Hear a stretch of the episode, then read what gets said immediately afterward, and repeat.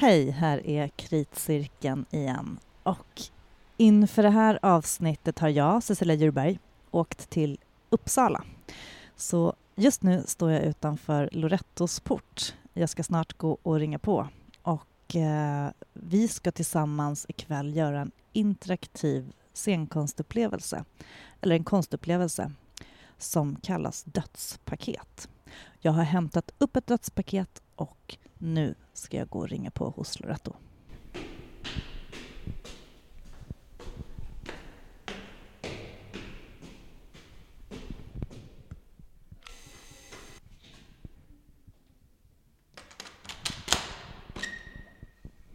Hallå, hej Loretto! Hej! Hej! Här kommer jag med ett dödspaket. Nämen. Ja du, eh, ursäkta att jag är sen. Eh, det blev lite strul med dödspaketsleveransen. Jag var tvungen att eh, möta upp konstnärerna på, på macken eh, innan jag åkte hit med, för att få det här paketet som jag har med mig här. Kolla! Oj. Nej men, okej. Så, Det är en helt vanlig urna. ja. Och så är det tre brev som sitter fast här. Ja. Och så är det ett fång blommor, inte vita liljor dock. Fast det är svart flor på. Eh, och en låda med eh, en svart duk på. Och eh, ja, vad är det? Luktar det? Kan det vara mat? Mm, det luktar lite örtigt. Jag tror ju att det är en gourmetvariant på smörgåstårta. Det är alla helgons helg. Alla helgons dag idag. Eh, ja, innan jag, eh, jag, jag har varit och tänt ljus, satt ljus på mammas och pappas grav. Det är min pappas födelsedag idag. Mm. Mm. Men eh, nu ska vi alltså gå på en sån här soundwalk igen. Vi har gjort det förut. Um, dödspaketet. Det handlar om döden. Här är brev nummer ett. Ja, precis. Ska jag läsa hela? God afton, kära dödsgäster. Samla er grupp av anhöriga så att alla får höra vad som står i brevet. Ikväll kommer ni att få dela en upplevelse med varandra. Vi kommer att vara med er steg för steg i brevform. Detta är kvällens första brev. Med kvällens första uppgift. Ni ska få göra ett stilleben tillsammans. Stilleben upplever vi har hjälpt oss att närma oss döden, avdramatisera den lite och ge våra känslor och tankar kring döden fysisk form. Välj en plats i hemmet som inte är bordet där ni ska äta middag, där ni vill placera ert stilleben.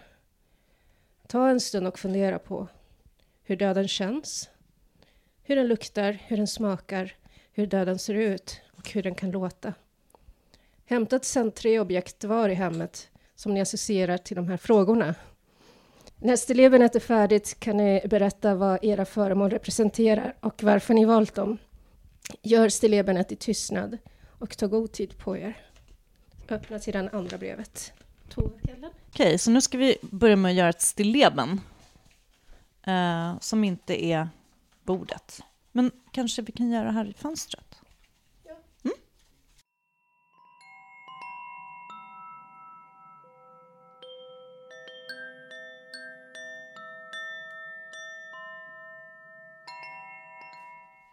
Nu har vi gjort ett stilleben och ska vi öppna brev nummer två. Oj, vad hoptejpat det var här.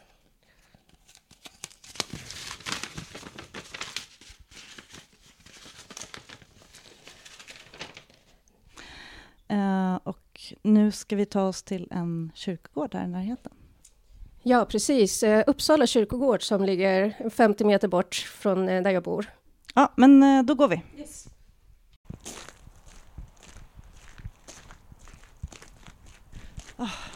Gud vad kallt det är. Ja, eh, nu är vi här vid den delen av Uppsala kyrkogård som jag inte känner till, som jag inte brukar gena genom på vägen till jobbet. Så att, men det är väldigt fint, man ser liksom det här mörka och sen så de här eh, ja, tända ljusen som är liksom utspridda överallt. Ja, nu går vi in som genom en eh, eh, port, ni som här inträder. Eh, en tegelmur. Åh, det är jättefint. Nu ska vi försöka rigga vår soundwalk. Vi har fått instruktioner här. Eh, berätta Loretto. Eh, jo, eh, nu ska vi se. Paketleverans, ja det har vi checkat av. Det var ju Cecilia som kom här med paketet som avlämpades på Shell. Dresscode, sorgedräkt.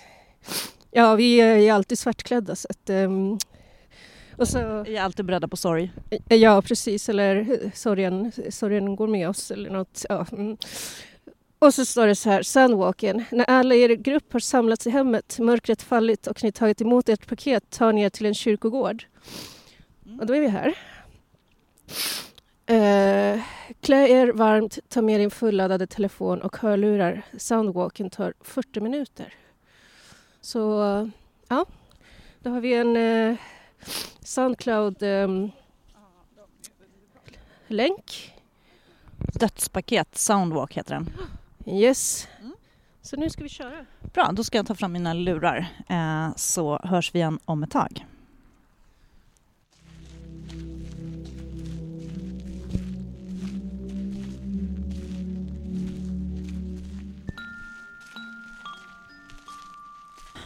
Ja, eh, där var vår Sandwalk klar. Hur känns det Lettra? Jo, det, det känns kallt. Det är som att eh, ja, döden tog med sig, tog, ja, tog med sig värmen eller något. Mm. Eh, det är lite kyligt. Det är ganska härligt ändå. Ja, men det var fint eh, att gå runt här. Det känns som att det är ju alltså, verkligen mycket liv för att vara en kyrkogård. Det är ju alla helgons dag idag. Eh, det känns som att alla människor som går runt här är som statister. De vet inte om att de är med i en föreställning. Och så tänkte jag på, för Loretta, du har ju varit på en liknande grej på en kyrkogård förut som du berättade om när vi gjorde adventupplevelsen eh, med samma konstnärer med to som Tove Berglund hade gjort. Eh, var det till och med på samma kyrkogård?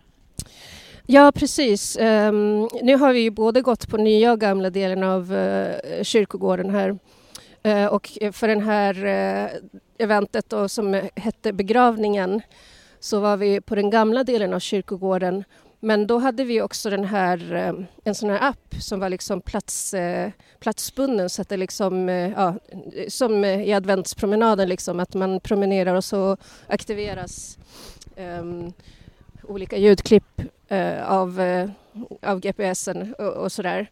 Så att um, här var det inte så, utan här var det liksom, man fick fritt gå och lyssna på den här ljudfilen och liksom göra vad man ville egentligen med den. Man kunde stå still och titta på människor eller så kunde man gå runt i kyrkogården, mellan kyrkogårdarna och sådär. Så. Mm. Precis, man fick ju lite uppmaningar. Eh, man skulle bland annat plocka upp en sten och känna på den. Som, den har jag kvar i fickan nu. Eh, vi får se om den ska användas senare. För vi ska gå, börja gå tillbaka till eh, hem. Ja, hur känns det att vara på en kyrkogård? Eh, jag tänkte på... Um, du har ju förlorat din pappa i år och inte fått begrava honom. De pratade lite om det här med begravningar. Hur kändes det bara för dig? Ja, nej, men det är ju liksom lite det här med att gå miste om, eftersom min pappa bodde i Chile då, Eh, med pandemin och liksom allmän... Alltså det är dyrt och långt bort att åka och sådär.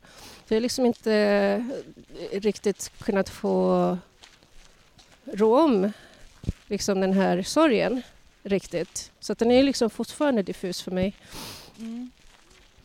Ja, för precis, de pratar mycket om begravningar och, och den här ritualen och sånt och den är ju för varje gång man förlorar någon så känner man ju hur, hur viktigt det är. Men jag tänkte lite extra på dig nu. Att det är väldigt fint att gå här tillsammans. Um, ja, men jag blev lite rörd. Uh, jag ser fram emot att öppna dödspaketet nu och den här urnan mm. som står på köksbordet.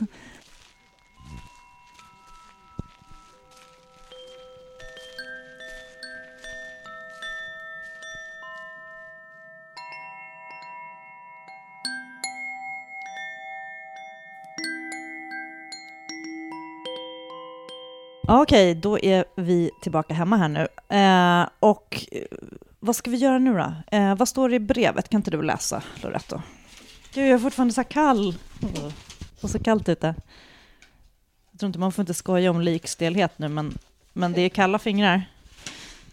Okej. Läs, Loretto. Välkomna tillbaka hem. Det är nu dags att öppna dödspaketet. För att urnans innehåll ska vara i tryggt förvar är urnans övre lock förseglat. Urnan öppnas och försluts underifrån med en skruvmejsel. Vänta, välj ut den som har minst hand. Låt den handen försiktigt plocka upp urnans innehåll. Lägg ut innehållet på den tomma ytan. All right. Och efter det ska vi öppna brev nummer fyra. Vi behöver en skruvmejsel, Loretto.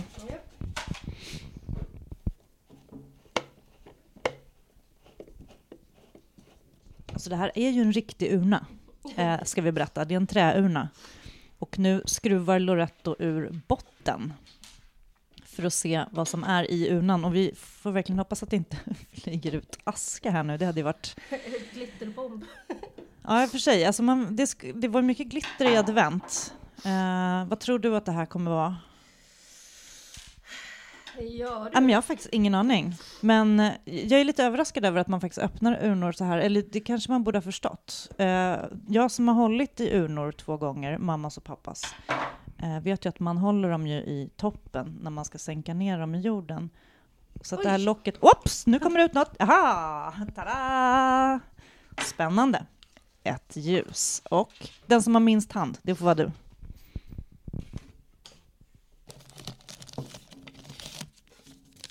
Ah, brev. Brev sju. Brev sju. Oj gud, hur många brev? Oj. Alltså det är ju alltid lite julafton med de här, deras, deras paket. Lera. Är det lera? Åh, som de pratade om i Ja. vandringen. Mer. Herregud, vi, kan, ska, vi ska dreja Loretto. Kan det vara så? Och flera ljus, många ljus.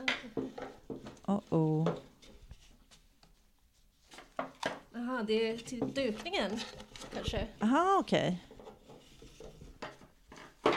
Mer ljus, mer brev. Åh gud vad många brev. Alltså det här är lite som Fångarna på fortet när man sticker in handen i den där grejen med spindlarna. Åh, lampa. Ja! Igen! Vad roligt! Ja.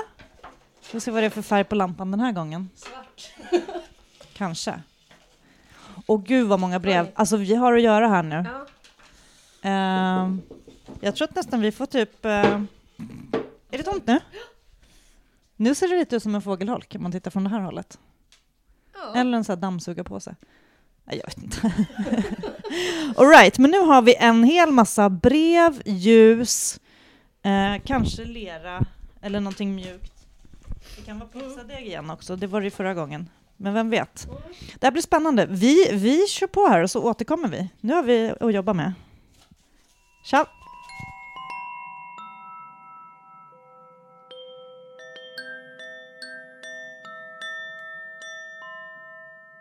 Hallå!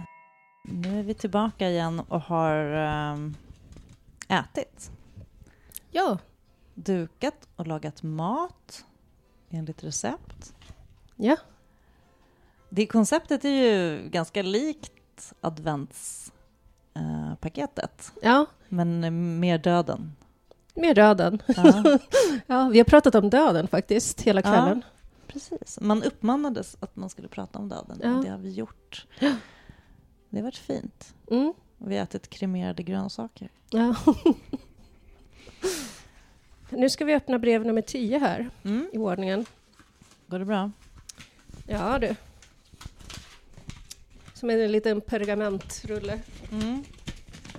Ja, vi, har ju, hållit- vi, har ju, vi har ju knådat lera också gjort ljusstakar. Ja. För det var ju fint med leran, Mm. eh, lersymboliken. För den Ja. kom ju tillbaka från Från. Sandwalken. Ja, precis. all, alla är vi lera. Av jorda vi komna. Ler och Eh, långhalm. nu står det. Nu är det dags att lämna bordet och inta en mjukare plats, till exempel soffan. Ta med ljusen och resterande brev och någon av de tomma brevbehållarna, till exempelvis en skål. Ja, vi fick eh, även eh, husera breven i små ja, sängar, så att säga. Ja, det kan vi säga att vi sitter här, vi har ju alltså dukat på ett eh, bord med en svart duk. Eh, vi fick lera som vi har gjort små ljusstakar av. Fyra ljus. Eh, urnan har vi haft i mitten på bordet när vi har ätit och sen har vi gjort en, en hållare för de här runda pergamentsrullarna med brev och nu är vi på sluttampen här. Ja, precis. Eh, vi har fått dessert. En eh, påse med eh, sura skallar, Mm. Dödskallar. dödskallar. Och de ska vi tydligen hälla upp i en skål som vi ska tillverka av eh, leran som vi har fått. så, och så, de, så hälsar eh, de, varsågod att njuta av vårt favoritgodis. Mm. Medan ni låter skallarna smälta i munnen är det dags att öppna det elfte brevet. Jag tar en skalle. Mm, surt. Mm, var, här kan man säga att ehm, halloween och allhelgonahelgen möts i de här sura dödskallarna. Pumpasoppan var ju lite halloween. Känsla. Ja, just det. Jag kanske ska berätta vad vi fick för mat. Mm. Till förrätt så var det pumpasoppa med eh, rostade pumpakärnor och så ett eh, jag ville säga ko- förkolnat eh, knäckebröd till. Mm. Det var något fröigt. Det Ja. står vad det var. Och sen så till, huv- till eh, huvudrätt så var det rostade röda morötter eh, med eh, purjolök och så, så den här eh, rökiga osten. Mm. Och sen så lite dipsås, en chili dipsås och en, eh, ja, en liten rökig majonnäs till. Mm, vi har halstrat ost.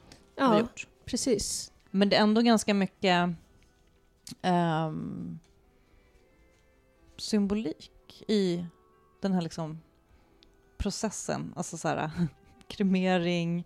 Ja, nej, men vi skulle ju eh, rosta den här purjolöken Mm. till, eh, ja, tills det blev liksom som en aska som vi skulle strö över tallriken. Mm. Så det var ju liksom lite, lite det. Och sen så fick vi en eh, lila glödlampa som eh, lyser i taket.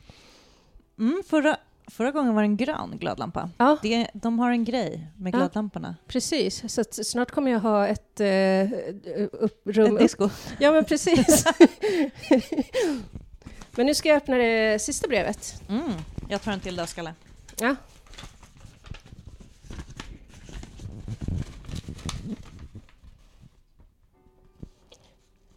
Och nu är det dags för eh, oss att dra oss till den eviga vilan. Ska vi samla allt, först allt mjukt som vi hittar i hemmet. Kuddar, täcken, filtar, dynor, sockor och så vidare. Så ska vi bygga en viloplats där vi ska få ligga och lyssna på en um, avslappningsresa, en dödsmeditation där våra kroppar och medvetande får öva på att dö. Används det som finns i hemmet för att bygga en viloplats, vagga, grotta, sarkofag, farkost som ska ta er till andra sidan. Kan sprida ut er i rummet eller ligga nära varandra. Alla måste dock kunna höra högtalarna. Om möjligt hitta en plats där ni kan ligga ned på. Det kan vara på golvet, under ett bord eller i soffan. Gör det mjukt och bekvämt för er. Se till att inte frysa. Och ta gärna lite färdkost till viloplatsen, en dödskalle eller två. Och när alla har tagit sin eh, viloplats så är det dags att lyssna på den sista resan. Det här blir vårt farväl. Mm. Tack för allt ni gjort, hälsar Tove och Ellen. Vad fint. Mm. Men då kanske vi ska spara vilan till, det kanske inte är så roligt att lyssna på en podd, Nej. eh, tills det är dags att vila. Det börjar bli Ja. sent på kvällen nu här. Eh, vi har varit igång några timmar. Ja. Men eh, vad, vad tycker du? Jag tänker att den sista delen hänger väldigt mycket på oss själva. Egentligen så hänger ju all, väldigt mycket av de här koncepten hänger ju på vad man gör själv av det. Det har vi ju pratat om eh, förut. Men, eh, ja, men det här med att liksom vara kritiker och recensera och delta samtidigt. Men av, av själva Mm. konceptet kan vi ju prata om Mm. hittills. Vad tänker du? Ja, nej men... det är väldigt liksom intressant hur man kan eh, låtsas in i, ja, i, i ett visst tänkande. Alltså det är ju som, eh, som till exempel när vi gick promenaden på, på kyrkogården. Eh, du beskrev alla de här människorna, så det är ju liksom, är lite som en folkfest nästan med väldigt mycket människor som gick där på kyrkogården. Och samtidigt så går man själv och är liksom väldigt avskärmad med hörlurar och faktiskt inte tar del av det här folkmyllret, utan man är liksom lite avsides. Och man kan observera människorna. Så att man liksom på något sätt ja, plockas ut ur sammanhanget. Och samma sak här i hemmet, mitt hem. eh, förvandlar rummet med det här ljuset, med den här eh, musiken. Eh, Mm, rekvisitan här. Ja, men- alltså en urna på matbordet. precis, och våra eh, tillverk, egentillverkade ljusstakar. Mm. Det, är liksom, ja, det är ju en transformation av vardagen, som, så som eh, olika riter är. Ja, men det, är liksom, det finns ett konstnärligt uppsåt, eller vad man ska säga. Ja. Men jag tänkte också på, just på, på kyrkogården där så, så kunde jag känna att jag fick lite grann den här känslan av att jag, att jag var där men inte var där. Att jag kunde Mm. liksom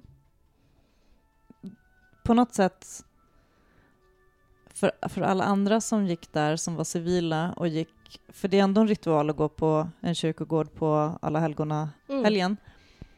Och där var det också väldigt stageat med alla ljus och den här fantastiska minneslunden som var helt, det var som ett hav av, Mm. Liksom en lång, liksom, ska man säga, det var som en lång gång av ljus som, som de hade gjort där. Ehm, man går där och tänker på sina döda och sen så var ju, men i och med att vi gick på en kyrkogård där inte våra våra Mm. döda låg, eller vad man ska säga, så blev det mer, nästan mer som en scen Ja. just den här gången. Eh, fast ändå så började ju i alla fall jag tänka på mina döda och saknade. Alltså Ja. det, det är någonting med, det är en dubbelhet där. Men i och med att man lyssnade på deras, alltså de styr ju också innan på vad man ska göra. Man skulle stanna och klappa på ett träd och plocka upp en sten. Mm. Och de här stenarna skulle vi lägga på bordet. Så att på det sättet så, det är ett väldigt genomtänkt koncept igen. Vi har Mm. gjort det här förut. Uh, sen tror jag att kanske att den här omgången har liksom varit, eh, rå, kanske just vi råkade ut för liksom lite extra så här, oj vänta, här var det, ja men det tror jag faktiskt förra gången också, det var någonting som blev lite knasigt med breven, någonting som hamnade i någon oordning så här. Men allting är ju, Mm. de har ju gjort allt det här så här för hand och Mm. Ehm, nu fick vi, hade vi inte fått något recept med till maten, vi fick det tillskickat. Eh, men de kräver ganska mycket av en. Mm. Det är som liksom ett IKEA-koncept kan man säga. Ja. Ikea, konst. Alltså man får allting i delar så man ska sätta ihop det själv och det hänger väldigt mycket på ens egen förmåga. Ja, eh, förmåga och vilja att följa instruktionerna. Ja. Men jag tycker också det är så himla intressant det här med, med att laga maten.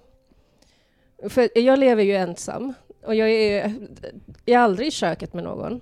Och eh, för ett år sedan så gjorde, ju, så var jag, gjorde ju det här advent med min kille. Och det var ju liksom så intressant att samarbeta med honom kring köket och sådär. Men nu fick jag ju liksom samarbeta här med Cecilia.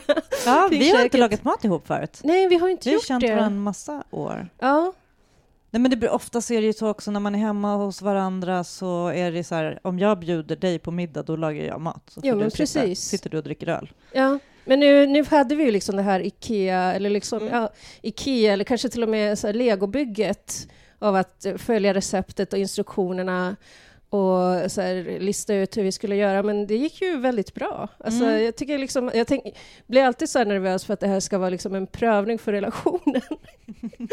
men jag tyckte, det, jag tyckte vi fick, eh, fick ihop det bra. Det enda jag tyckte var att det, var, det är svårt att göra podd samtidigt faktiskt, som man, Mm. som man håller på att laga mat och hackar och sånt, för att det kändes också som att det är, det är väl ingen som orkar lyssna på det. Men, eh, men det är ju någonting, alltså, jag menar, själva matdelen i det här är ju, det tänkte jag på förra gången också, eh, att det finns ju nu för tiden, som man säger, så finns det ju så himla mycket så matkassar och sånt Mm. som saker kommer. Alltså man kan få liksom beställa något så färdigt koncept. Men det här är ju roligt, skillnaden är ju här att man har ingen aning om vad, vad som är i. Mm. Eh, och att allting är uttänkt genom ett tema som hänger ihop med hela det här eh, konceptet. Mm. Ehm, vi har också blivit uppmanade att lyssna på tal Mm. i en viss ordning. Eh, och allting är liksom så här, bygger på varandra. Eh, och jag kan känna så här, så fort man... Nej men vi kan, jag kan erkänna att, nu kan vi erkänna, Mm. vi fuskade lite. Ja. Eh, för att det började bli så sent och tog väldigt lång tid, så vi ramlade på lite där med matlagningen. Ja. För att så här, ja men om det här ligger i ugnen samtidigt som vi gör det här så, ja, ja, så, så behöver vi inte hålla på hela natten. Det är någonting med det här att det, de, här, de här koncepten tenderar att ta väldigt många timmar. Eh, och det är ju trevligt mm. att konst kan få ta tid och Ja. att det får ta tid att umgås. Men, Ja, men kan, framförallt det, liksom, att vi, man, tar, man tar eh, tid för umgänge. Och att vi också faktiskt satt och pratade om eh, personliga saker med mickarna avstängda, som ni mm, aldrig kommer få höra om. precis. Mycket om döden. Ja. olika infallsvinklar på det. Eh, ja, men precis. Och att... eh, men jag tänker på... För det är ju upplagt så här att man ska göra det här med sina anhöriga. Och eh, nu har ju vi idag blivit varandras anhöriga och så Mm. kan det ju vara. Men det är möjligt att det kanske inte riktigt är... Alltså, jag tänkte på det också med, med advent. Att det, det är liksom det, man ut, de utgår lite från att, man, att det är liksom en gammaldags familj, att man bor Att ihop. man har familj. Att man har precis, Ja. att man gör, att det här, att det finns Alltså så här, för mig är det ju så helt självklart att göra det här ihop med dig, men Mm. vi bor i olika städer Mm. och eh, vi tycker att det här är intressant att göra för att vi också har en podd. Mm. Eh, men också så här, eh, nej men också just nu i år så känns det som att det var ännu mer självklart att göra döden ihop med dig. Mm. Eh, vi har liksom så liknande, ja, Mm, båda har förlorat sina pappor. Eh, Ja. Och, eh, Båda våra pappor har, fyller år mm, nu den här helgen. ja, min pappa fyller år idag. Ja, den sjätte. Och min pappa fyllde år igår den femte. Mm. Så att... eh, Ja, och min mamma eh, liksom förlorade jag ju också nu Mm. senaste ja, coronaåret. mm. Ehm, och det är ju, nej men på något sätt så här... ehm, ja, det, det är fint att liksom dela det, även om vi, kanske inte... är- Jag trodde jag skulle gråta mer. Men jag li- blev, Mm. var, kände mig lite rörd på kyrkogården faktiskt. Mm. Jag gick och tänkte. Ja, nej men det är det, vad ska man säga om de här koncepten, att man... Det beror på hur, vad man har för typ av familj och hur man ser sina anhöriga och sånt. Men Ja. idag, i, vi anhöriga i konsten. ja, men precis. Men jag tycker också att det är eh, intressant för att väldigt mycket av det här, alltså de här existentiella frågorna som eh, tas upp bygger ju också på en förförståelse om att faktiskt ha de här existentiella frågorna. Jag har, tänker ju liksom aldrig på, på döden och det är liksom inte så mycket för att jag är odödlig utan det är ju faktiskt för att jag har valt ett ensamt liv där eh, min död spelar roll och varken i det ena eller det andra hållet. Och det är så jag har valt och det är liksom helt okej. Mm. Nej, och Ehm, jag tänker så här att de här sakerna som vi har suttit och pratat om när vi har käkat den här middagen ihop idag är ju inte kanske samma samtal om döden som jag skulle ha om mina barn var med. Nej. Ehm, för då är, det har vi pratat om, det kan man ju avslöja lite grann, känslan av att inför döden att hamna i en situation där man måste vara den vuxna. Mm. Ehm, att förlora en förälder är ju liksom att på något sätt ja, en rot kapas av och plötsligt är man, Ja, man, hör man till de äldsta. ja, men precis. Man skuffas upp en generation på något sätt. Ja, för det tänkte jag just det, men så här, när båda mina föräldrar eh, dog, eh, mina barns liksom, mormor och morfar, då har ju jag också varit... Jag är- ett barn som förlorar Mm. mina föräldrar, men också den som ska prata med mina barn om Mm. att både att så här, mormor är död och mamma är nu ledsen. Det är Mm. så här, ja men det, det, det, är- det är någonting med rollerna och ehm, att ta ansvar för sorgebearbetningen både för sig själv och inför andra. Och det kan man ju känna igen kanske i andra typer av relationer. Men, Mm. men det är lite speciellt inför sina egna barn. Ja, det kan jag tänka mig. Man vill liksom inte skrämma upp och man vill inte... um, Man, liksom, man vill inte heller vara en konstig människa som inte kan prata om svåra saker. Alltså Ja. det är ju, känns ju som att av alla människor som har problem att prata om svåra saker har ju fått det någonstans ifrån. Förmodligen för Mm. att ingen har pratat med dem om Ja. svåra saker, därför, ja, och så vidare. Hej och välkommen till min terapi. Men, ehm, ja. Och nu liksom, jag menar så här, vad ska jag, ska jag recensera mitt, liksom, mitt, min egen insats här? Ja, det är ju det som är det svåra med de här. Jag Ja, har ju gjort några stycken. ja. Det är liksom, ja, nej, men ja, jag var duktig. Det var du med. Nej men framförallt så är det ju så här om man, nu är det ju, vi kan ju inte riktigt rekommendera det här för att det kommer inte gå att göra den här. Den, det var ju den här helgen som, Mm. som det fanns den här möjligheten att göra den. Men det kommer ju komma fler koncept och Mm. om man ska ge tips, ehm, om man ska göra en sån här, så är det verkligen att eh, man får, får ut av det, det som man själv lägger in i det, kan man Mm. säga. Men jag tycker någonting är väldigt fint med att ehm, jag vet inte om det bara är jag, men men man får den här känslan av att man verkligen vill följa instruktionerna. Mm. Alltså jag blir väldigt lydig Mm. Eh, ofta när jag går på så här deltagargrejer, att man plötsligt Mm. så här, men nu har de fått mig att göra så här. Mm. Lite grann också kan jag känna så här, om inte vi hade gjort de här lerljusstakarna till ljusen så hade inte det blivit lika mysigt. Nej. Alltså det blir ju en väldigt fin bild. Nu har vi ju flyttat på urnan så att för att våran kabel ligger här som uh, centerpisen i våran dukning. Men eh, ja. Mm. Men, men precis, och ett tips då kan ju vara att man ska avsätta tid för det här. Ja, det tar sex timmar. Mm. Det är ett, det är ett deltidsjobb kan Ja, man säga. liksom, helafton som man säger på operan. Mm. Ehm, de här liksom föreläsningarna som man lyssnar på, det är ju också en typ av... Ja, den ena var Kristina Sandberg. Mm. Som pratade om sin cancer. Ja, och också att förlora en pappa. Ehm, där hade vi ju pappatemat Ja, som, som som man återkommande. passade oss Ja. väldigt bra. Och sen en forskare. Mm. I palliativ eh, vård med barnperspektivet i fokus.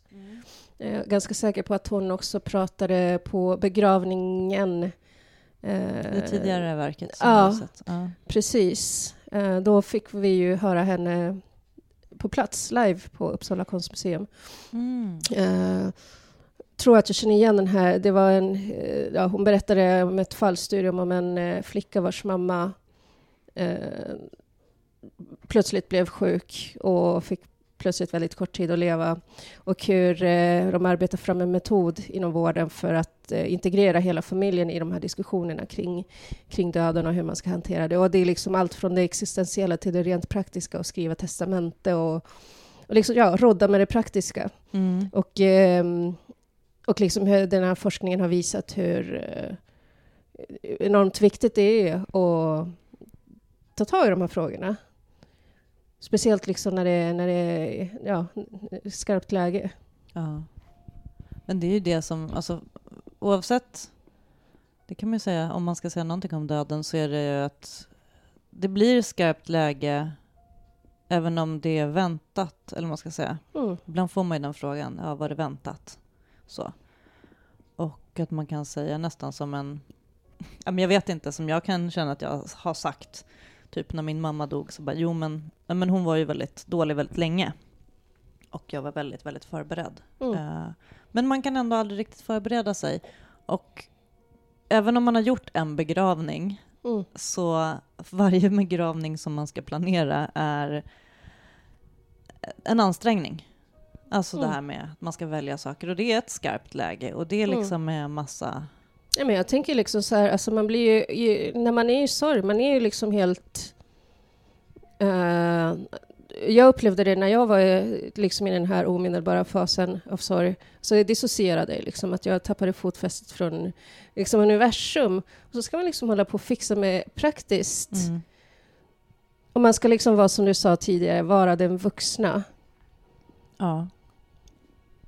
Är det ju, jag är väldigt imponerad av de här människorna som har som jobb att prata med de här människorna som Mm. är i sorg och i chock. Och jag menar som sagt, oavsett hur liksom gammal eller skröplig anhörig man har som går bort så är det liksom en, nej men det är en chockfas och det är en, det är liksom, döden är bara så jävla konkret. Mm. Och så jävla konstigt samtidigt. Ja, jättekonstig. Det är liksom aldrig... Det är, det är väldigt... Det, men det är väl det. Det är så Mm. jävla definitivt. Mm. Jag vet att jag sa det nu när vi var ute och promenerade så här, att det, nej men det finns någonting som... att också så här, de, här vänt, de här väntade dödsfallen där någon Mm. ligger på dödsbädden i liksom längre tid. Mm. Alltså att gå och vänta på det är också en väldigt, väldigt konstig känsla. Mm. Ehm, som påminner om, så kan jag ju då säga, som, Mm. som går och, på ett konstigt sätt går att jämföra med att gå och vänta på att föda ett barn. Mm. Alltså de ligger så jäkla nära varandra. De konst, det som väntetiden och som är så här, åh, när, snart händer det, snart händer det. Det ena är liksom, nej men alltså båda är nästan öns... Alltså, Mm. på, på ett så konstigt sätt, för att när någon verkligen ligger och håller på att dö så, så kan man så här börja känna att man önskar att bara, men kan det inte bara hända nu, för att nu är det väldigt, väldigt jobbigt. Mm. Så att det är på något sätt, den där övergångsfasen är liksom, det är det Ja. hemska. Eh, och Ja, men man det vill är- liksom på något sätt att eh, fördämningen ska brista så Ja. att det liksom bara... Förlö- Fördä, fördämningen, eh, förlossningen... Förlossningen. Ja, men alltså Ja. förlösa känslan av, precis. Eh, Jag tänkte ja. dra till med en så här skitäcklig metafor med liksom en eh, infekterad abscess, liksom att man vill att den ska brista så att det bara rinner ut. Och, och, och Det är det, exakt faktiskt det som är att föda barn, bara ut, ut med den. Ja, precis. Och det liksom gör ont och äckligt och allting bara suger, men man vet att det blir bättre efteråt. Mm. Och det är ju det som är så konstigt med döden när, när någon ligger och liksom dödsandas så är det så här, det är ju så otroligt jobbigt. Och det, det som är så helt alltså profylaxandas när man ska Mm. föda barn och höra en döds... Så här, det, Mm. det, helt sjukt vad likt det Mm. eh, vad nära liv och död ligger. Mm. Så, ja. Mycket märkligt. Och sen för vissa så är det bara pang tjong. Både Mm. förlossningar och dödsfall. Ja. Ehm, så det är väldigt, um, äh, den ligger väldigt nära där. Och det påminner de ju också om i, i den här vandringen, promenad, soundwalken. Det kan man ju säga så här, att även om det här var en inspelad, alltså det är ju det, är ju någonting annat än att bara lyssna på ett ljud eller lyssna Mm. på en podd. Även de här föreläsningarna som i och för sig så här, kanske då enligt min smak var ganska Nej men alltså man kan ju läsa in saker på mer eller mindre liksom, ma- människor har olika förmåga att leverera text i ljud, om man Ja. säger så. Ehm, jag kan tycka att de kanske var, nej men inte helt, jag vet inte, Jo. bekväma att lyssna på, alltså Ja. rent ljudmässigt eller liksom, ja. Men eh, att sitta att lyssna på den här typen av föreläsningar tillsammans, Mm. Gör man ju ofta inte. Nej. Alltså den här typen av liksom podd, inspelade podd, eh, och sånt har man ju också har ju blivit så att man, man, man tenderar att gå och liksom dra sig tillbaka med sina egna lurar. Mm. Så att lyssna på saker ihop, Mm. inte titta på en film ihop och äta popcorn liksom. Nej, Utan, Utan faktiskt aktivt lyssna på, på någon som talar eh, när man liksom delar ja, en måltid, eh, Mm. en drink, en tanke, en upplevelse och med ändå den underliggande instruktionen om att man faktiskt också ska... Alltså man har på något sätt läxa att man ska reflektera Mm. över det som har sagts. Det är ju ett annat sätt att lyssna än om man liksom bara skulle dra på de här eh, talen i bakgrunden medan man eh, diskar. Ja, precis. Det är väldigt ja, aktivt, det är ett väldigt aktivt lyssnande som Mm. är ju mer likt en föreställning. Mm.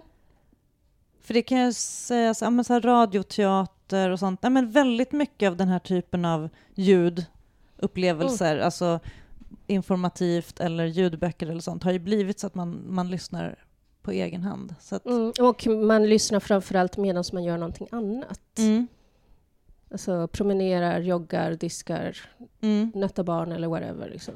precis. Nej men i och för sig, nu fick vi sitta och äta, men, men ja. Ja, men det, det var ju liksom ändå en del av...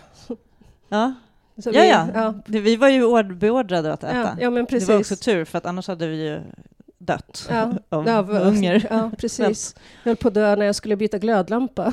Mm. Hur många teaterkritiker krävs det för att byta glödlampa? Hör?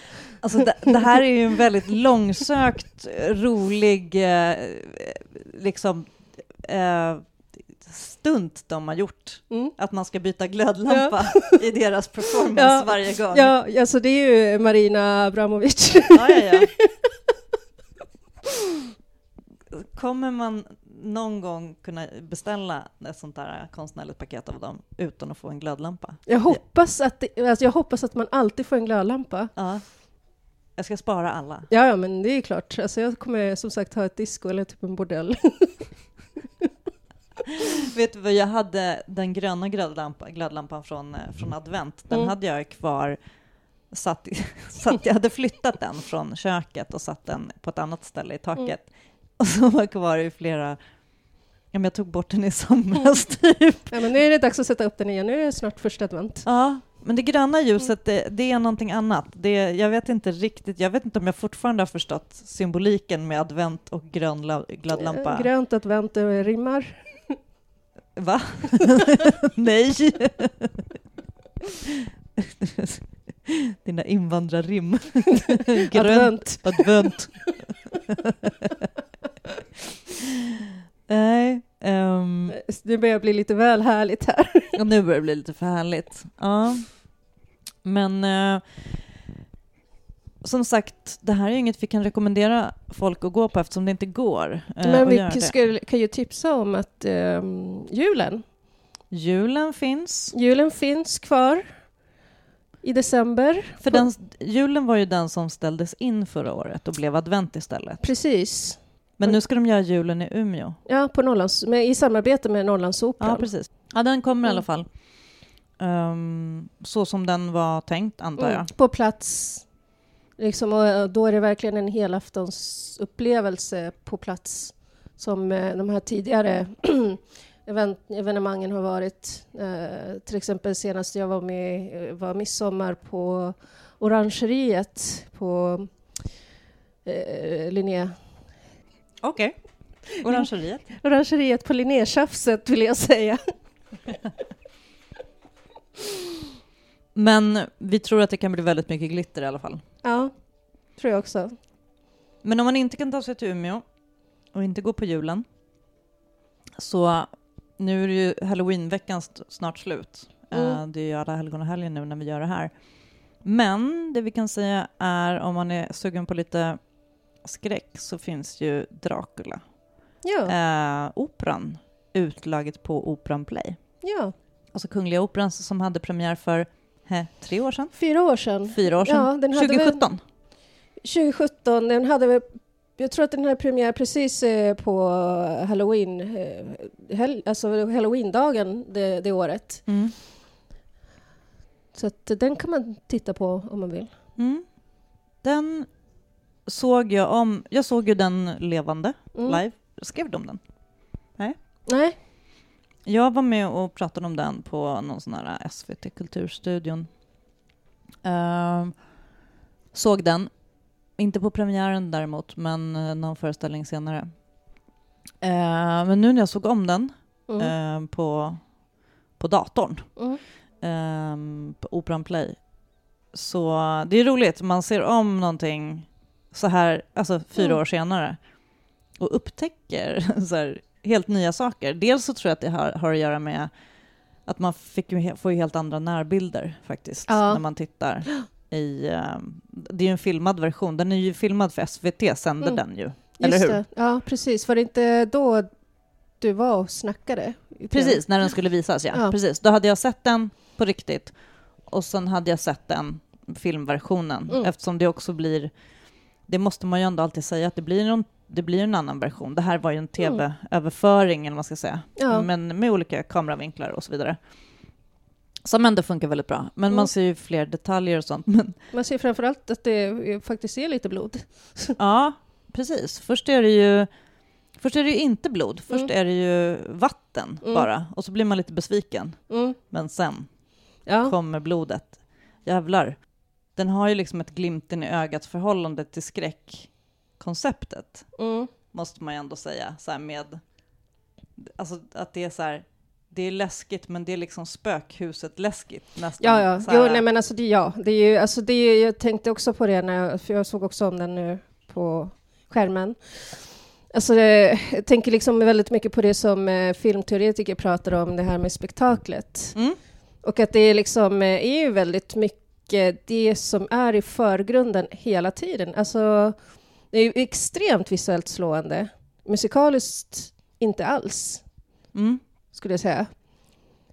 Vilket är, och, det har vi nog pratat tidigare om, liksom problemet med, eller problemet, tendenser hos eh, modern opera att ehm, det lika gärna hade kunnat vara talteater. Mm. Väldigt mycket recitativ, liksom, Ja. ish. Ja, alltså det, jag skulle egentligen kunna säga att det är en och en halv sång i, i den, alltså riktiga, och det är väl liksom eh, den här eh, sista kärleksduetten Mm. mellan eh, Mina och Dracula. Mm. Och sen så den första kärleksduetten i början av andra akten när han är i sovrummet. Just det. Ja. That's it. Resten är liksom bara, ja, blabbeli-babbel. Det är mycket som, om man säger så här, sen är ju det, jag visst, hej, så här, eh, traditionell dramaturgi, fördomsidéer, men det är inte så mycket som står på spel i själva musiken. Nej. Alltså så här, ja men nu pratade vi om döden och förlösningar och förloss, förlossningar nyss, men, men, men precis, det är ju bara ett par eh, sådana Mm. ställen. Eh, nej men det är väldigt mycket spektakel, eh, väldigt visuellt. Det är ju Linus Mm. Fällbom Ja. som har gjort eh, regin och ljuset. Mm. Ehm, och mycket liksom, ehm, nej men det är mycket stunts liksom. Mm. Flygande Nosferatus och Ja. sådär. Snurrande sängar höll jag på att säga, men eh, ja, men snurrande, alltså, snurrande säng-grejen är ju eh, enormt snygg. Mm. Men man tänker liksom så här, ja, men vad minns jag av musiken från den Mm. scenen? Ingenting. Men jag tänker att det också är så här, eh, den här typen av sceniska eh, äventyr som eh, folk hade dödat för på den tiden. Alltså så här, Mm. om vi tar det här, vad är det, viktorianska Mm. liksom, eh, skräckgåt-tiden, Mm. När man också gick på um, föreställningar för att se de här Grand Guignol, eh, liksom skräckteaterkoncepten Mm.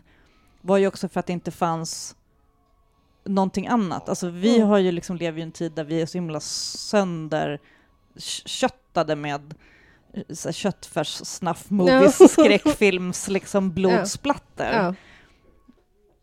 Ja, men så den, ehm, men ändå, jag tycker ändå, jag menar, den finns att se nu och det är fint att den läggs ut Mm. fritt för strömmande Ja. av operan.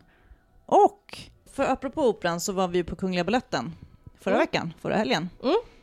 och såg eh, Kilian Ek och Forsyth. Ehm, alltså en för Kungliga Baletten ny koreografi Mm. av Jyri Kilian, fast Mm. den är från 95. Mm. Eh, Bella Figura och sen eh, Mats Eks Överbord, Mm. eh, also known as Woman with Water. Mm. Just det. Som hade urpremiär eh, precis innan coronan tjopplade. Mm, precis, februari 2020 så Ja. hade den nu premiär i ett annat, en annan trippel Precis. som började med Jiri Kilian, fast det var Wings of Wax. Ja. Eh, och nu kan man se den igen. Och sista verket den här kvällen är William Forsyths In the Middle Somewhat Elevated, Mm. som är ett jätte, alltså så här numera klassiskt modernt verk, Mm. måste säga, från 1987. Mm. eh, som är en ny uppsättning för Kungliga Baletten. Mm. De har dansat den förut, men den här Mhm. iscensättningen är liksom nygjord. Eh, med väldigt 80-talsmusik. Men det Mm. såg vi. Eh, Ja. Vad tyckte du? Nej, men jag tyckte faktiskt att den eh, sista eh, var den mest slående, just för att just för att den var liksom så impregnerad av sin tidsanda. Alltså man kände ju liksom verkligen 80-talet. Och, alltså, och den här Det är mycket musiken. mycket musiken. Ja, ja, men det var liksom de här, det här synt, eh, syntiga industrimusiken som var liksom Mm. ändå väldigt tung men väldigt artificiell. Ja, men så, äh, så här, eh, syntiga whiplash. Så här, Ja. Ja, som är precis. verkligen snärtig eh, och lite maskinlikt. Liksom. Ja, men precis. Och, men också samtidigt hur, eh, hur de här kropparna framställdes, för att jag fick liksom väldigt mycket en känsla av den här, igen, spektaklet, alltså det här liksom eh, anslående ytligheten. Ehm, de här kropparna på något sätt användes till det som man på något sätt associerar 80-talet, alltså mannekänger, aerobics, eh, tävlingsdans, alltså väldigt det, sådär... det är en väldigt liksom, det är ju en typ av, man säger så här, klassiska balletten har ju det här uppvisningsdraget, Mm. verkligen. Alltså så här att man ska visa, alltså så här, det finns ju en typ av, och det här, det är därför det är så intressant med det här verket, för att Mm. det är liksom en, det här är ett stycke liksom danshistoria Mm. från 87, och det var väldigt, väldigt, väldigt historiebildande när det Mm. var nytt. Det beställdes dessutom av Nurejev till Paris Operans ballett, alltså den episka, liksom Mm. gamla ryska ballettchefen, Mm. balettdansaren, eh, som för övrigt också då har eh, gjort en ny Svansjön som kommer senare på, med Kungliga Baletten nu, som de har gått och väntat på och, och repat under pandemin. Och Just det, den har vi ju pratat om. vi har pratat om Ja. den och, och man har kunnat se, eh, man har kunnat se en online-utdrag, Mm. en, en akt från den. Ja. Ehm, och den kommer, den kommer att visas i sin helhet. Så vi har liksom Nurejev-spåret Mm. här och historien med också, för jag menar, han var ju också i sin tur på sin tid liksom utvecklade den klassiska balletten och moderniserade den och så kommer Forsyth och gör och tar liksom, ja men verkligen så här ytterligare ett snäpp från, för det är väldigt mycket Mm. klassisk ballett i de Mm. här, i den här koreografin och rörelserna, Mm. fast det är ändå väldigt, väldigt modernt. Mm. Om man säger nu liksom att det är från 87, så kan man också så känna så här, men är det verkligen så länge sedan? Ja. Är det, alltså, det, som, det som avslöjar den är, vad ska man säga, avslöjar då, är egentligen musiken. Eh, och lite grann kostymerna som Mm. hade egentligen kunnat vara på något sätt, men det är egentligen bara gröna trikåer. Jag vet Mm. inte vad det är, det är liksom... Eh, ja, man kan välja trikå, helkroppstrikå, vilken färg Mm. som helst. Eh, någonting är så här, men det är lite, eh, och scenen är helt svart och sen är det Mm. bara den här lilla guldpungen Mm. som hänger. Men, men linjerna är liksom högst klassiska, Ja. fast de är liksom, de är som tweakade. Mm. Eh, Så det är, det är verkligen en, en modern ballett, vilket också så här, nej men det har ju liksom gått till historien och det, det har dansats på väldigt många kompanier runt om i världen. Eh, och sen så finns det ju den här, att liksom på urpremiären då så var det Sylvie Guillem, eh, jättekänd eh, fransk ballerina, eh, dansade med i Mm. den premiären. Hon hörde ju då till så här, alltså under barnen, eller vad man ska säga, Mm. i Nurejevs ballett. Eh, hon har i sin tur också dansat i förlagan till Mats Eks, Den här överbord. Mm. Han har gjort en, det finns en filmversion Mm. som heter Wet Woman till samma musik Just som det. i den här. Eh, och den finns inspelad och den har jag sett. Eh, hon, så hon har blivit känd med det verket som sen då Mats Ek utvecklade sin duett Mm. Överbord, Woman with Water. Mm. Och sen är hon då liksom, hon är ju som, hon är liksom länken. Mm. Och då kan man också förstå, för att hon är ju då den generationen som både Mats har blivit stor med Mats Eks, Mats Eks balletter, Mm. med Forsyths balletter. Alltså så, här, så att de här tre koreograferna är ju 40-talister. Mm. Alltså det är ju giganter. Det är 40-talister men samtidigt så eh, betraktas som liksom eh, modern, moderna. De är ju moderna, men de är liksom, de är moderna fast de är liksom numera klassiska. Alltså ja, de, är, precis. de är så pass stora, de är liksom jag tror att det var så Anna Ångström såg jag skrev i sin recension i Svenskan, hon kallar ju Forsyths för typ som en så här rockstjärnas återkomst eller Mm. någonting. Och det är ju det. Eh, det, det är den sortens, det, det är den storheten, plus också att det är fantastiskt att, att vi har ett sånt balettkompani som kan dansa de Mm. här och göra de här verken rättvisa. Eh, för att framförallt Forsyths är ett otroligt Mm. krävande Ja. verk. Alltså jag ehm, blir väldigt, man blir väldigt ödmjuk när man liksom, nej, man blir helt matt. Det är, alltså Mm. alla scener är liksom, de är, de är som extremt pressade. Mm. Det är liksom inga så här, äh, inga, heter det, transportsträckor. Nej, nej, men precis. Men det var också det som jag tänkte, eh, alltså med de här... eh, Jag associerade liksom verkligen, för att eh, vissa dansare ibland står ju liksom och poserar lite. Mm. Eller är- rör sig på scen som, eh, som liksom förlagorna till eh, 90-talets supermodeller. Alltså det är Mm. liksom väldigt mycket det här uppvisandet av kroppar, väldigt medveten, väldigt liksom eh, stark Mm. kroppskännedom.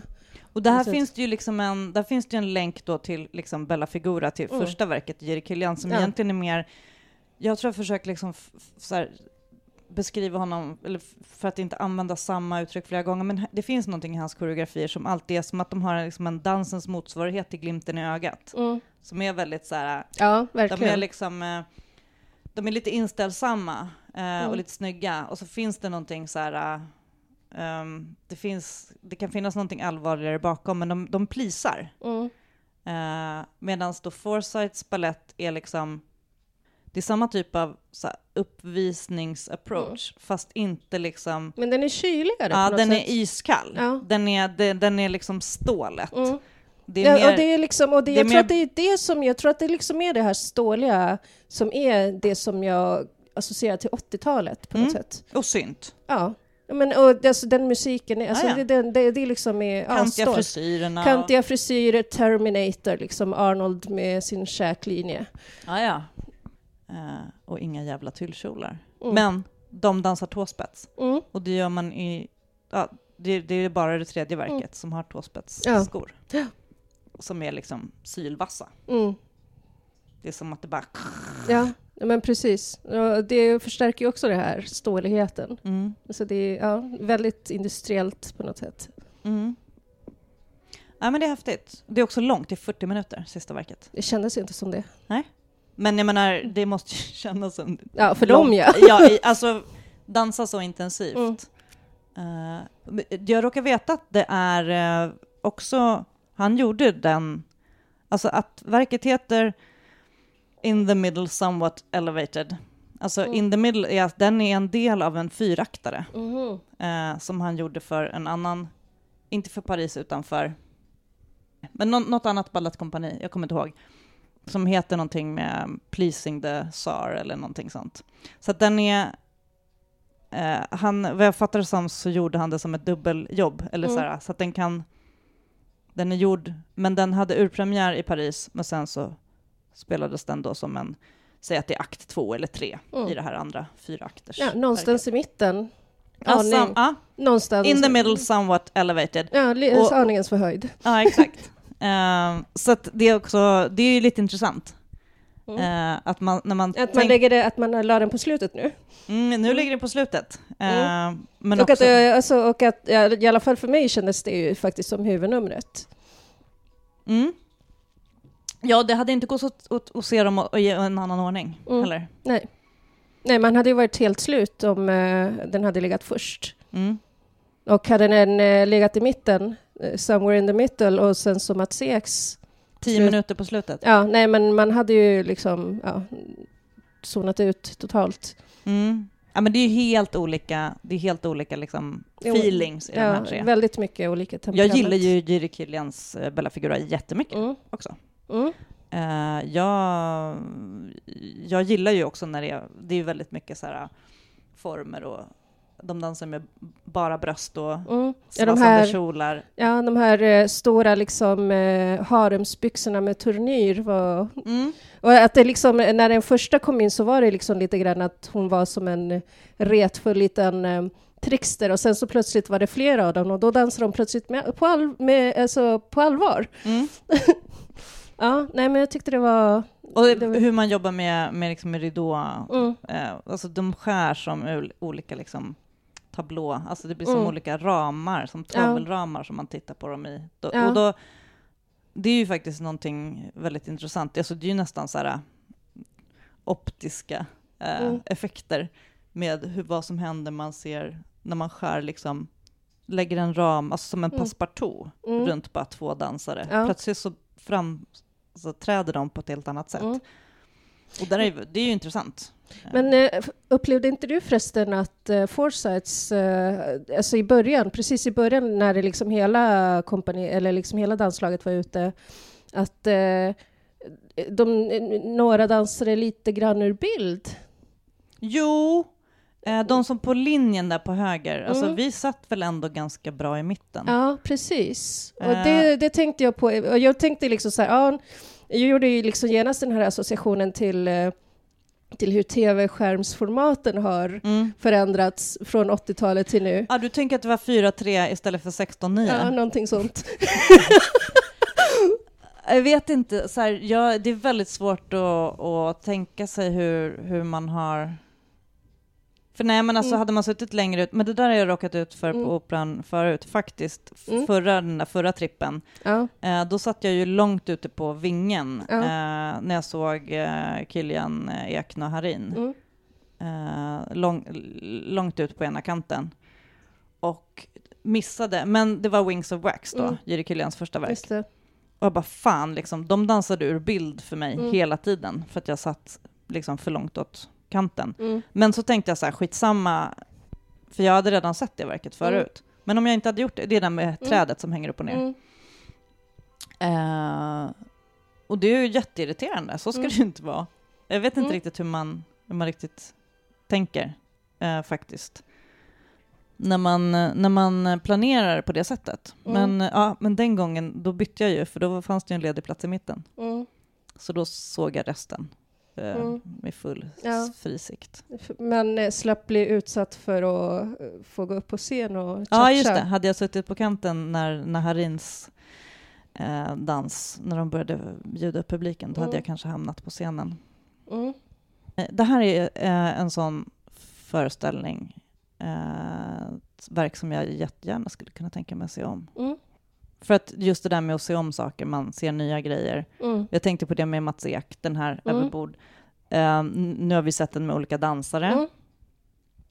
Nu i fredags såg vi med Madeleine Wu. Eh, och det är hon som är med i film, den filmade versionen. Just det. Hon som dansar den. Så, um, men de kan man se. Mm. Och så kan man också leta upp eh, Wet Woman på internet Ja. med Sylvie Guillem. Ja. Eh, för det är samma musik av Fläskkvartetten. Mm. Så att när man ser, när man, när man ser båda så, så, så, så fattar man grejen. Mm. Det är väldigt mycket som är likt, men det blir också någonting helt annat. Mm. Eh, det har varit ett solo och sen så blir det en duett. Mm. Och vad händer då? Ja. Det får ni upptäcka själva. Ja. Olika dansare, alltså intressant om man kanske är ovan, titta på dans. Eh, att se samma koreografier med olika dansare är ju också så här, där kan jag känna som Mm. kritiker att man liksom inte utrymme att Mm. skriva så mycket om vad olika dansare gör för olika, alltså så här, Ja. det, och det känner jag så här, det är lite, ja det är som the curse Mm. av kritikeryrket, att det finns en massa detaljer och massa saker som man, man inte får plats med och som man Ja. inte, man måste på något sätt, alltså överhuvudtaget liksom få in, jag menar jag skrev ju min recension nu om Mm. de här tre. Jag, fick, jag tycker inte att jag fick plats med någonting liksom. Nej, men det är alltså, det är fruktansvärt vanskligt, och speciellt när det är liksom ett så här trippelprogram Mm. på 2400 tecken. Ja. Nej. Nej men precis, och sen så är det så ett verk som är helt nytt. Mm. För, alltså man säga, nytt för, För den här publiken. för den här publiken. Så, så här, vad ska man säga om det och vad är det för någonting och vad ska man, ska man beskriva? Ska, Alltså, och sen är det så här, det är tre olika verk, så här, ska man jämföra dem med varandra? Vilket är bäst? Bara, Ja, det är Mm. tre helt olika verk. Mm. så här, Och sen så också, ja, på något sätt hoppa upp på sadeln från det faktum att sist det var ballett på det viset på den scenen var faktiskt ett, innan corona. ett år och åtta månader sedan. Ja, exakt. Ja. ja, men absolut. Jag är väldigt tacksam för att eh, Balettkompaniet har hållit sig i form. Ja, verkligen. Ja, För det är ändå så på något sätt, liksom, nej, vad ska man säga, jag var aldrig orolig för att jag vet att de är professionella. Men å andra sidan så är det så här, det är, det är när man ser, alltså så att de går ut också och Mm. gör det här Foresight-verket. Det är så här, ja men det är någonting, det är någonting som är jävligt kaxigt. Ett år och åtta månader sedan jag var där sist. Ehm, det är klart att de har dansat, Mm. liksom. Men det här var den första premiären. Mm. Och eh, nej men då bara, då tar de det här programmet. Ja. Eh, men så det kan man se. Eh, Dracula och Överbord på Mm. Operan Play. Eh, vi ses snart igen och hörs snart igen. Det är ju massa premiärer som händer hela tiden ja, nu. hur ska man hinna med? Jag vet inte. Ja. Vi får se. Tack för att ni har lyssnat på Kritcirkeln igen. Så um, tack så mycket Loretto Villalovos. ja, tack själv. Jag heter Cecilia Djurberg. Kritcirkeln eh, återkommer när som helst. Ha det så bra. hej. hej. Hej då.